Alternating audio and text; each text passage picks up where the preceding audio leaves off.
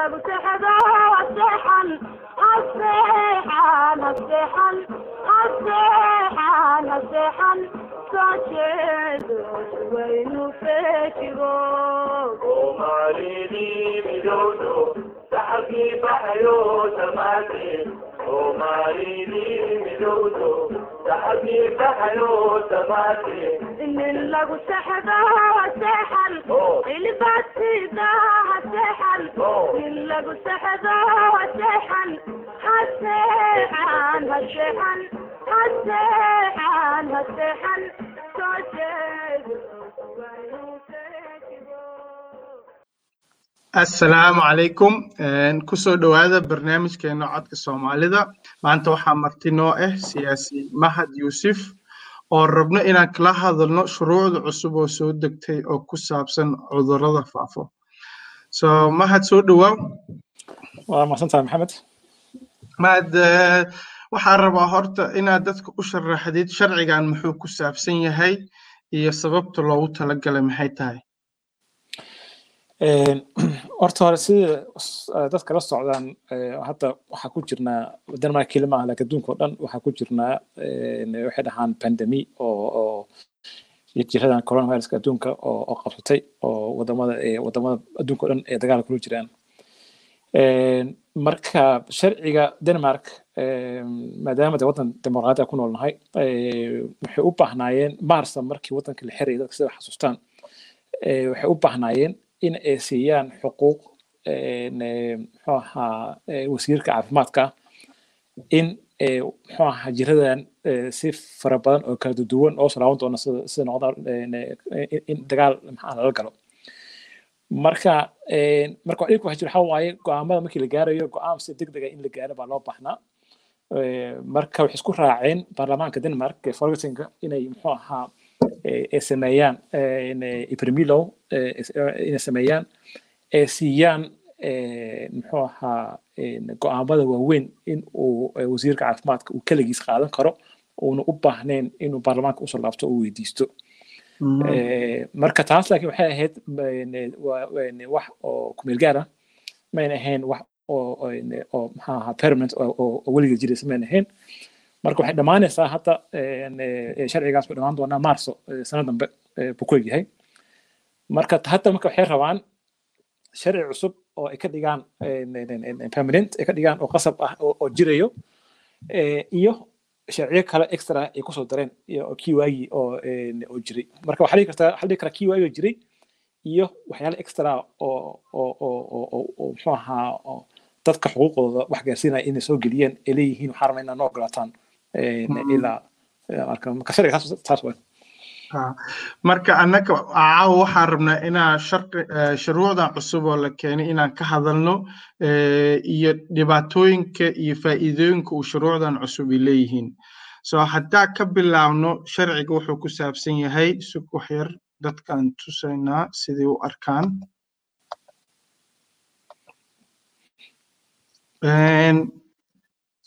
sida ugu jeediin em, sharciga inta wuxuu ka hadlooyayo waxa la dhahayo cudurka. Een, cudurkan hadda lala dagaalamooyanayo wuxuu ku saabsan yahay corona. Laakiin sharcigan cusub oo la sameynayo corona keliya ma ahe een, cudurro kaluu ku saabsan yahay. Adiga sidee u fahamtay mahad aniga sidaad u fahmo waxaa waaye sidaa u arka een, waxaa la rabaa waxaa go'aan ku gaareen waxay dhaheen een, coronaviruskan hadda jiro ma aha jirada ugu dambeysay aan arki doono. Jirooyin ah soo socda jiraan hadda maalin lota warka waxaa laga maqlayay waxyaalahan dhahaan flu influenza jirooyinkan laga helo digaaga oo ka dhaceen een, een, maxaa ahaa New iyo iyo qaanas eh, maxaa areada laga helay marka taasoo kale haddii uu wuxuu ku fiican kaas xayawaankii kelibu ku ekaa jiradaas. Laakiin hadduu u gudbo kale bini aadan marka waxaa taagan situation ka taagan kale coronaviruska marka waxay rabaan inay taas ay u isticmaalaan sharcigaas. Hadday imaato jirooyin uu muxuu ahaa ay ay muxuu ahaa ay, oo ereygu haddaa isticmaalay dhahaan samphons kritisk waxay dhahaan ereygaas marka waa erey in oo laga warhayo because waxa waaye samphons kritisk ayaa waaya qofka oo go'aanka gaarayo inuu sameeyo dhahayo jiradan waa samphons kritisk dadka waxa lagu samayn doona kole waa soo laaban doona meesha way soo daamanaya laakiin laakiin xuquuqaas markaas waa waxaa la siinayaa awooddaas wasiirka caafimaadka inuu dhaho jirooyinkan waa jiro oo mujtamaca khatar u ah kuwana khatar uma aha so dhiba- dhibaatada halka inta laga arki karayo waxa waaye cudurka inuu khatar u yahay bulshada waxaa go'aaminayo eh, wasiirka caafimaadka. Laakiin dhakhtaryaasha iyo dadka waxaan ku takhasusay ma aha dadka go'aaminayo. So qof wasiirka le go'aamin karo sharcigan soo ma? Wasiirka go'aamin karo takhaatiirta waxay tala ahaan ba u joogaan meesha. Laakiin go'aan kuma laha way dhihi karaan jiradan baa jirto. Laakiin inay jiradan dee ay ku tahay khatar tahay mujtamac oo dhan ay khatar u tahay ra'yigooda ka dhiiban karaan laakiin go'aanka ugu dambeeya waa wasiirka caafimaadka leh. Haade ani halkaas markaas waxaa dhib u arkaayo wasiirka caafimaadka qasab ma aha markasta qof oo cilmi u leh eh, cuduradan inuu yahay qofka wasiirka caafimaadka. Taas dhibaato kama imaan karto? Dhibaato weyn ka imaan karto waxa waxyaalaha dhibaatooyinka ka imaan karto waxaa waye qofka hadduu wasiirka wasiirka asaga sida sheegay dhakhtar ma aha muxuu ahaa caafimaad musan baranin laakiin wuxuu haystaa la taliyo haystaa laakiin dhibka ugu- weyn aan u arko waxaa waaye wa- wasiirka in hadhowti waxaan lagu sameeyo isticmaal siyaasad ahaan ay gasho marka haddii siyaasad ay gashona eh, waa dhibaato inuu hal qof go'aanka gaarayo waa in baarlamaanka maxaa la soo dhigo oo sharcigan sharcigan baan rabnaa inaan sameyno ma ma u haysanaa eh, majority oo ma u haysanaa eh, n- n- n- n- n- maxaa eh, ma nagu marka haddii haddii ku raaci waayaan waa sida des- waa waa waa waa markan proceska oo ka jira een, dimuqraadiyada waaye ay ka mid tahay. Laakiin intuuna soo gaarin baarlamaanka hadduu asaga dhahbo anaa anaa go'aanka gaarayo jiradan inay tahay een, inay khatar u tahay mujtamaca marka inaan ka hortagno waaye inaan isticmaalno waa marka sharcigan. Taasa marka khatar ah Okay. So sidii dadka noola socdaan hadda waxaan dhahnay waxaa imaaday waxaa laga hadlooyaa hadda baarlamaanka in la geeyo la rabaa sharcigan eh, shuruuc cusub oo la soo sameeyey oo loogu talagalay cudurrada faafo so sidaas daraaddeed weli lama go'aamin shuruucdan laakiin waa shuruuc laga hadlooyo so dhibaatooyinka hadda aragna waxaa ka mid ah qofka go'aaminayo inuu cudurkan cudur faafayo ama inuu cudur khatar yahay waxa waaye wasiirka caafimaadka. Wasiirka caafimaadka marka inuu go'aamiyo waxaan inay khatar tahay inaysan khatar ahayn wuxuu la tashanaa dhakhaatiirta laakiin ugu dambeyn go'aankan asaa iskale waaye so wasiirka wa- yah waa run waa run ha. So so de- een, halkaas waxaa ka arkaynayo qofka hadduu uu rabo inuu siyaasadeeyo wasiirka wuu siyaasadey karaa ilan sharcigaana xaq u siinoye taha waa run waa tan laga cabsoonayo waa taas waaye. Midda kale tan muhiimadda oo ka weyn waxaa waaye wixii la dhaho dimuqraatigii iyo processkii wixii loo soo mari lahaa sharci loo soo mari lahaa waxaasoo dhan waa waa la tuuraya marka marka markay imaato jirooyinkan hal qof baa fadhiya miiska dhihi karo anaa go'aanka gaaraya wixii een, jiradii khatarta ah iyo jirada jirada marka jirada khatarta ahayn. Eh, marka waa waa problem dimuqraadiyad sida u arkanin. Ha tan kalena kuma saabsana keliya markii laga hadlayo corona laakiin cudurro weli imaanin iyo cudurro hadda jiro haddii isbedelaan iyo waxaasay ku saabsan tahay soo ma? ها wax cudur kasta oo soo socdo maxaa ahaa isaga in buu buu go'aan ka gaari karaa in uu yahay cudur oo uu khatar ku yahay mujtamaca inuu khatar ku ahayn inuu sharcigan isticmaali karo inuu isticmaali karin marka wasiirka markuu go'aamiyo cudurkan inuu cudur khatar ku yahay bulshada markaas waxaa loo ogol yahay markaas inuu sameeyo waxaa ka mid ah marka inuu qofka uu xoog ku xareeyo yacni uu ama maxay ahayd ama guriga lagu xiro ama dhakhtar ama meel la geeyo taasna waxay ku tusaysaayo uma baahna inuu caddeyn lagu hayo qofkan inuu cudurkan qabee laakiin haddii loo maleeyaa ku qoran. Rabbiyo waa dhibka ugu weyn taas waaye. Qofka haddii haddii shaki laga qabo in uu cudurkan uu qabo muxuu ahaa maxay dhahaan qalabyada uu sharcigan uu siinayo awoodda bay isticmaali karaan. Waxaa isticmaali karo booliiska isticmaali karo waxaa isticmaali karo isbitaalada mindhahooda haddana oo dhan baa markan baa isticmaali karaan sharcigan marka qofka hadduu diido uu dhaho ani ma rabi inaa isbitaal seexiyo ama uu dhaho uu dhaho ani ma rabi in aa qaato mediciinkan ama ma rabi inaas inaas teskareeyo ma rabi waa waa waxay sharcigan uu ogolyahay markaas in booliiska ay ku qasbaan waxaas oo dhan inuu inuu maarka inuu sameeyo dhibaatada inta ka imaan karto mahad waxa waayeyo qofka haddii xataa caddeyn lagu haayo inuu jiradan uu qabo waa la fahmi karaa qofkaas in xoog lagu xareeyo ama xoog lagu dhaho isolation gal. Laakiin sharciga waxaa ku qoranayo qasab maaha inay caddeyn lahaayo haddii loo maleeyo ama laga shakiyo qofkan inuu qabo cudurkaas xaq waxaa loo leeyahay markaas in qofkan xoog lagu xareeyo hada waxa ugu horreeya waxa waaye lagu xareyn karo waxa waaye qofka waa in lagu qasbo inuu soo teskareeyo dad waxaa jira denmark oo oo testa qaadin oo aniga mis teskareyn marka aragno coronaviruska. Hadhowta hadday jiro kale imaato kale uu qofka ma rabo inaad teskareeyo te sharcigan loo isticmaali karaa waxaa dhihi karaa waa qasab inaad teskareysi hadduu teskareeyana uu muxuu ahaa oo oo jiradaas laga helo uu dhaho qofka anaa anaa iska mas'uul noqonayo laga yaabo inayna aaminin xataa dhahaanta maadaama aad diiday marka horeba inaad teskareysi kuma aaminayno oo markaas ay qasab isolation ay geliyaan ama isbitaal ay siixiyaan ama wixii sharcigu sheegayo ay ku sameeyaan. Waxa kaloo waxa kaloo la ogol yahana haddii loo maleeyo qofkan inuu cudurkan qabo sugya aan soo saare.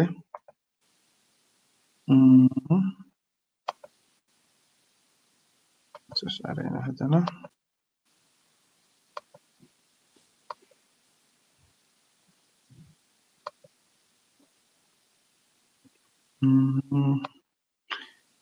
isolationka waa ka hadalnay inay isolation lagu xiro ama qofka keligiis la xiro.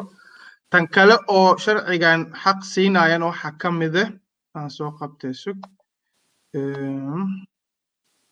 waxaa ka mide inay oh, sug sug sug waa kana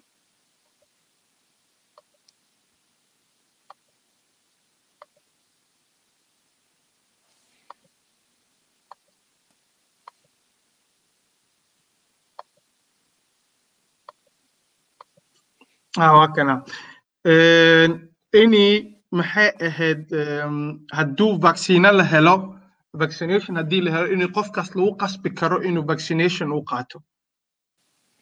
Ha waa hadda dhahno example ahaan coronaviruskan oo kale waxaa laga hadlaa hadda media waxaa laga sheegaa inay vaccination soo socdo oo oo la helay. Hadda mid baa leeyahay aad ugu fiican oo denmark maanta ay ka dalbatay laba milyan oo dosa dhahana hadda vaccinationkaas sharcigan waa la ogolaaday uu jiraa maanta dhahno example ahaan. Dadkii aan rabin in vaccinationkaas ay qaataan sharciga ogolaanaya in lagu qasbo inay qaataan. Marka qofka sababta uu qaadan u diidayana waa fara badan yihiin dad badan baa waxay aaminsan yihiin in vaccinate ma aha just hadda coronaviruskan laakiin jiran ahaan vaccinationka inay lagu jirdo inay jirooyin wataan naftirkooda dad waxaa jira dad aaminsana jiraan waxaas oo ka soo horjeedo inay in vaccination ayaga ay qaataan ciyaalkoodana oo maxaa ahaa ay ku sameeyaan vaccination ku sameeyaan marka dadkaasoo kale marka xuquuqdooda dhan way lumaysaa meesha waa waxaa dhihi waa qasab inay qaataan vaccinationkan mid kale dhibaatada kaloo hanad meesha mahad meeshaan ka dhici kara waxay tahay lacalla haddii lagaa shakiyaa layidhi inaa cudurkan qabtid waa waa maxay ahayd xataa vaccinationka waa lagu sii karaa soo maha? Mase si qalada u fahmi taas haddii ha haddii waa laba mid haddii mid ay dhahaan oo kale waxa u baahan nahay inaan sameyno massive vaccination inaan sameynaan rabnaa way dhihi karaan waa arka sharciga xusinaya xuquuq inay inay dadka inay qasbaan ma laakiin inay ay ay ay dhahaan waa waa waa sharcigana sheegaya inaa in uu qofka markaas noqonaya qasabyo qasab hadduu sharcigan sheegayo wasiirka wasiirka caafimaadku uu kuu qasbi karaayo tan kale example kalaan ku tusaa hadda owus waa xasuustaayo inii la dhahay shan boqol oo soomaaliya waxay ka qayb galeen duugitaan wiil halkaas ku dhintay. Wasiirka caafimaadka wuxuu dhihi karaayo waxaa u malaynaynaa shantaas boqol oo qof dhan inay kuwo ka mide cudurkan ay qabaan so kulligoodba vaccination hala siiyo. Waa runta waa hala siiyo weliba waxaa ka sii daran markii oo dhahay shakiga aad sheegaysay maxamed waxaa waaye shaki uu muxuu ahaa sonis ministerka ama sonis ministerka ay qabaan oona laakiin oona jirin wax medicines wax oo ku salaysan diagnose oo caddayn yani caddayn inaa cudurkan qabtid ha. qabtay ha. Marka marka waa run waa qofka haddii haddii example ahaan oo dadkii ay tageen aaskii wiilka oo tageen. Haddii dhahan idinka waan iga shakinay waxaan rabnaa inaan vaccination siino sharcigan uu maxaa wuxuu siinayaa fursad ay dadkaas dadkaas kale ku qasbaan. Tan ani ani dhibaatada ugu weyn oo arkana waxaa ka mid ah horta inay shuruuc lagugu fulinayo adigoo lagu hubin horta inaad cudurkii qabtid number kow tan labaadna iyo maxaa xuquuq bini'aadanka wuxuu sheegaa qofka xaq wuxuu u leeyahay oo jirkiisa inuu wax kastoo jirkiisa ku saabsan uu diidi karo. Sax. So sidii sidii ku dhacday marka ay kula tahay dadkan inay waxaan soo bandhigaan. De horta hore waxay dhibka jira waxaa maxamed waxaa waaye jiradan markay imaatay. Hor denmark waa denmark sida ogta waddan waxaa waaye dadka jecel inay sharciga ku dhaqmaan. Inay jecel wixii ka imaado dowladda wixii ka imaado inay ku dhaqmaan ay ogolaadaan haddaba for example ahaan waa arkaysay markii la dhahay maaska hala qaato ofli qomka hala qaato maaska hala qaato. Maalintii oo sharciga uu soo uu ka bilaabanayay dadkoo dhan wada maaska wada xirnaayeen. Dad dhaha ma aha anaga mar ma ogelin ama waa ilowna waa dad waa waddanka waa dad jecel inuu sharciga uu ku socdo. Dhibka jira marka waxaa waaye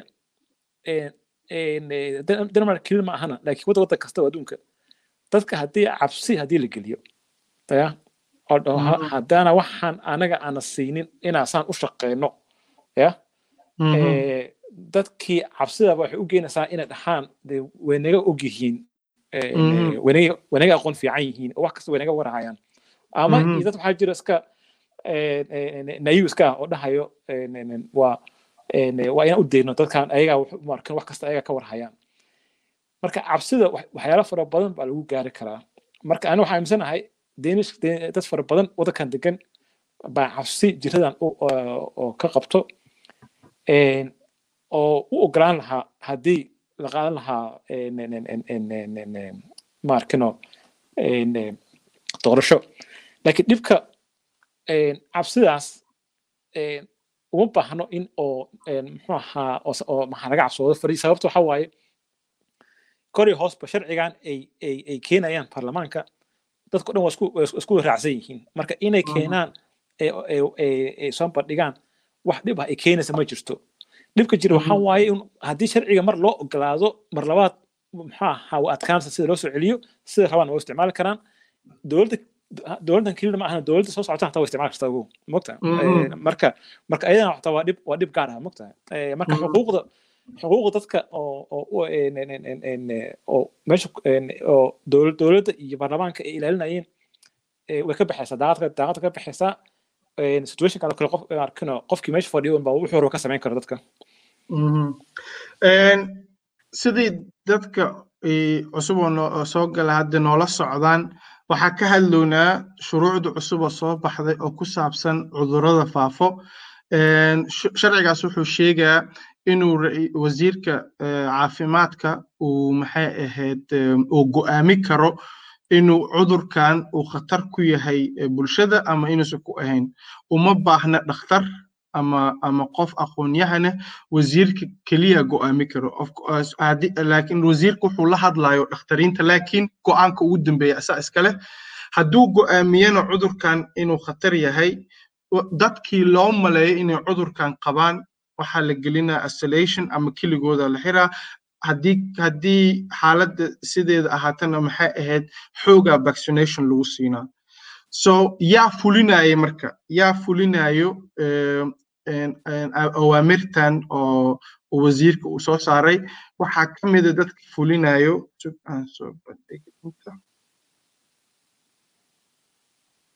dadka fulinayo waxaa ka mid ah sug.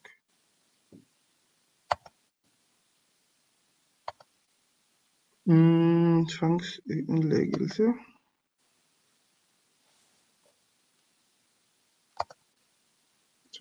soo saarayta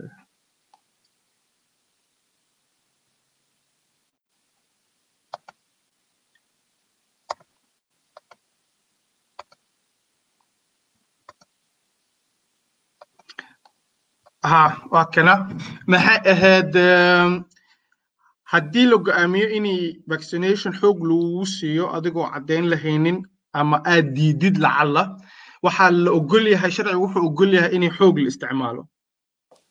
Ah. Xooggaas yaa isticmaalaya marka waxaa ku qoran xooggaas waxaa isticmaali karo soo qabanaya sug. Waxaa isticmaali karo booliiska iyo militariga iyo security-ga dadka oo security-ga caadiga ah. Booliiska waa la fahmay laakiin sababta keenta maxay tahay in militariga iyo dadka security-ga caadiga ka shaqeeyo oo baktayaasha eh, oo santaryaasha camal ay joogaan in ayaga la isticmaalo markii waxaan in la fuliyo la rabo. Taas eh, horta hore waxay ku xiran tahay eh, eh, situationka siduu yahay. Iyaga marka waxay sameynayaan eh, base kasto dhinac kasto bay iska en, en, en, en, iska soo ilaalinayaan hadda dhahno en, eh, denmark dhahno shan boqol qof baa diidan inay inay eh, maxaa lagu sameeyo vaccination. Mhm.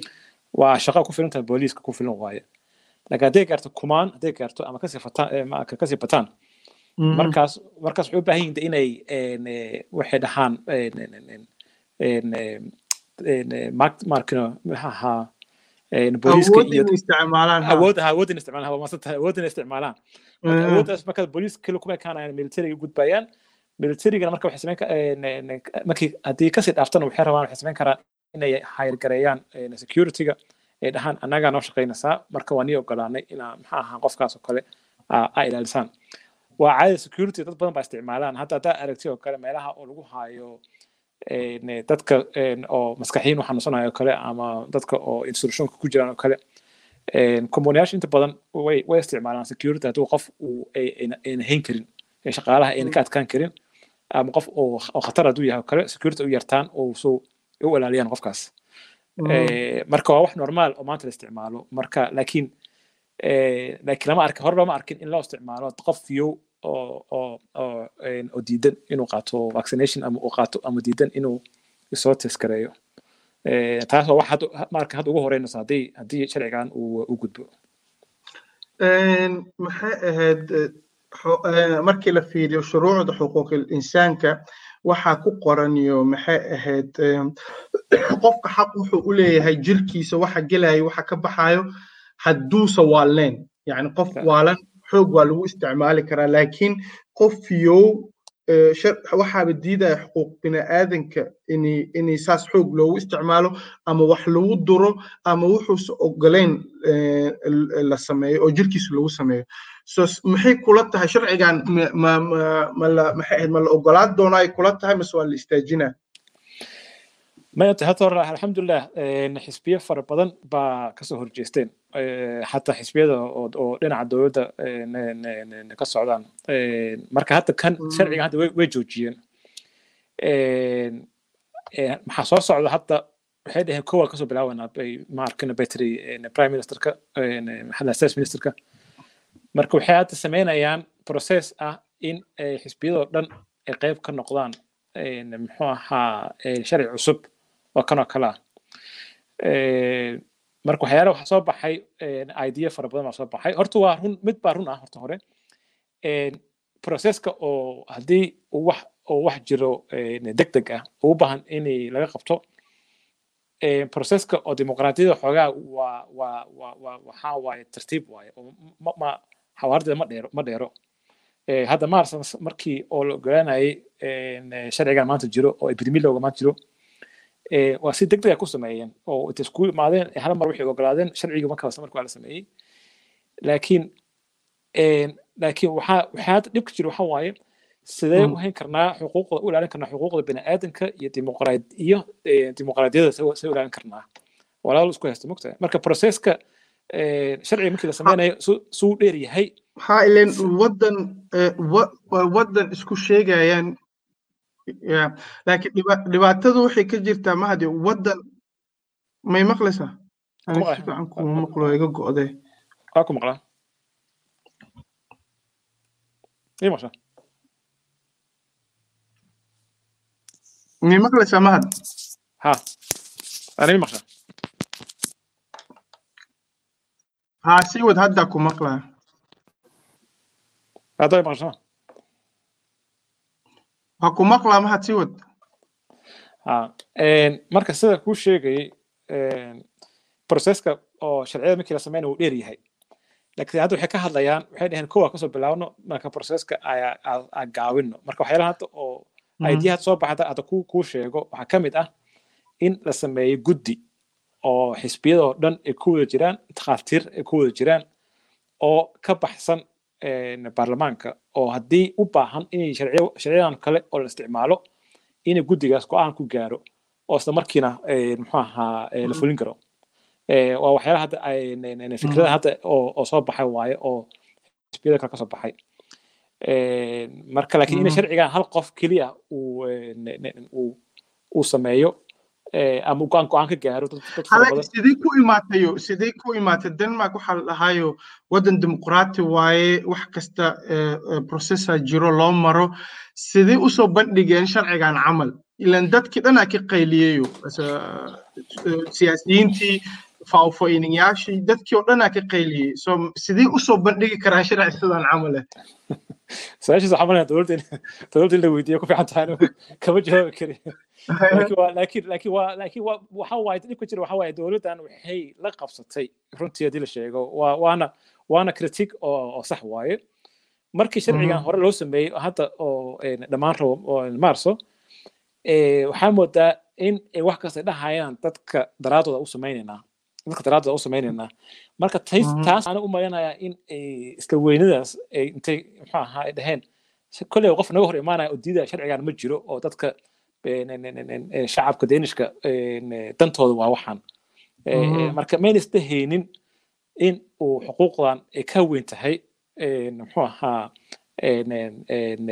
caafimaadka bas haddii la fiiriyo qofka caafimaadka iyo xuquuqda qofka haddii dhaho ma waxaad qof in wax lagu qasbo ma ogoshahay mise waxaa ogoshahay xuquuqda in lagu ilaaliyo qof kasta wuxuu leeyahay aniga xuquuqda in la ilaaliyo aan jeclahay Ee, labadooda waa isku heli karaa maxaa mid u doorani Ee, marka Mhm. taasaa dhib ka jira taas waaye hadda kolley qofka tv-ga daawada xataa waa dhib ka jira hadda waa waxuu ahaa sharcigii kii hadda oo soomaaliga maqa ereygiisa laakiin kan mink minksayga hadda oo xeewaanada ay laayeen Mhm. waa fikirka oo dowladda oo isdhahayaan kolley qof diidaya in la dilo ee, xeewaanada ma jire laakiin waxay Mhm. ilooween waddankan sharciga ka jiro nidaama ka jiro nidaamka inay u soo maraan ay ilaaliyaan bay ilooween Ee, Mhm. Marka sababta taasaa u malaynayaa way ilooween mase kasi iska iskaga iskaga leexiyeen? Walaa ma garan kari ta kale oo qof qofba qofba fikradiisu qabaa laakiin waa dhici karta inay ka soo sameeyeen. Ha ileen ileen ileen see lagaaga dhaadhicinaa dad intaasoo haystaan em, looyaryaal iyo yuqista iyo oo oo dhaheen annaka sharcigan waa ilowne ama wuu naga hoos baxay. Walaahi way horta hore waa u dhacday Ee, maaha Mhm. ayaga uguma horeeyaan waxaan hore way u dhacday inay inay een, ee, minister ama state minister uuna sharciga ilaalin ama ama ka hoos baxday way way dhacday laakiin tan lagu haysto waxa waaye waxay noqdeen ee, een, waxay heleen kalsooni ah inay iska dhacsiiyeen inay wax kasta ay samayn karaan oo Mhm. ee, magaca corona ay ku samayn karaan taasna ka mid tahay in ayna sharciga ilaalin oo ka jiro. Ee, marka taas dhib dhib weyn waaye. Marka waxaa umalaya dhibaatada keento waa taas waxay dhahayn haddaa keeno een, ee, sharcigan cusub oo epidemi looga haddaa keeno qof diidaya ma jiro because waa waa danta shacabka buu ilaalinaya. Laakiin e- e- e, sharcigan iyo hal qofu wuxuu siinaa powerka dhan iyo hal qofa dhakhtarkiina ee wasiirkiina ee wax kasta go'aaminaya mana lagumana qasbinyo in- qofkan hadduu ahaa laha xataa ileen ra'iis maxay ahayd wasiirka caafimaadka hadduu ahaa lahay qof xataa caafimaadka wax ka soo bartay ama yaqaano wax kali ahaa lahayd qofkan xataa qasab maaha inuu caafimaadka yaqaano tan kalena asaa go'aaminayo waxaan inay khatar tahay inaysan khatar ahayn. Taas yacni dhibaatooyin weynaa ka imaan karayo. Annaga xataa ajnabi ahaan dhibaato weyn inoo noqon karta ileen. Wuxuu dhihi karaa ajnabigii laga shakiyo inay eh, joogeen meel qof uu eh, cudurkan qabay ayaka dhan vaccine ha la siiyo. Adoo ogoleen aa lagugu qasbi karaa. Waa runta waxaa horta hore waxaa fiirisaa eh, hal erey meesha ku jiro sharciga cusub. Haddaa aragtay oo hadda markaad sayska tusiga saxda ku qornaa ereyga inay dhahaan sanfons khirisk haddii u Ah. fiirso sanfons khirisk waxyaalo fara badan buu noqon karaa mugta aad ha marka waa dhibka ugu weyn oo sidaas waa runta ku raacsanahay. Haddii la dhaho example ahaan ana soomaalida kale eh, jiradan buu ku badan yahay. Dad ayagoo dhan ba hala vaccine gareeya aldhihi ama ama hala test gareeya mogta ma mogta marka waa Mhm. waa oo sabab haddii loo- sababta loo sameynaya maxay tahayna? De waxay dhahayaan waa waa waa sanfons khirisk waxaa ka cabsoonaynaa in mujtamaca oo dhan ay jiradan ku faafto. Dhihi karaa mogta Mhm.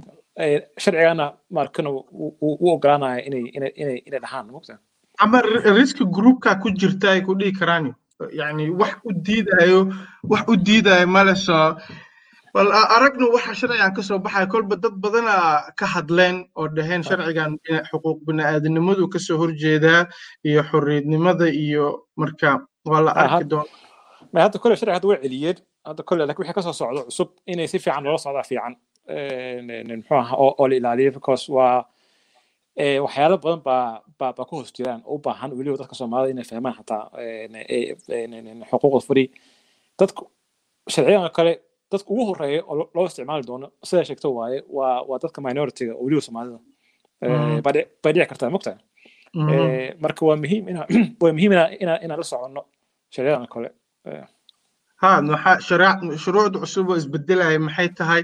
Sidee eh, sharciyaashaas looga hortegi karaa haddii eh, d- dad badana ka dacwoodeen dadka see loo caawi karaa xataa inaan ka fikirno waayo oo sida sidii codkeena xataa loo maqlo. Ileen dad badana ogeyn waxaan jiro shuruucdan akhrinin.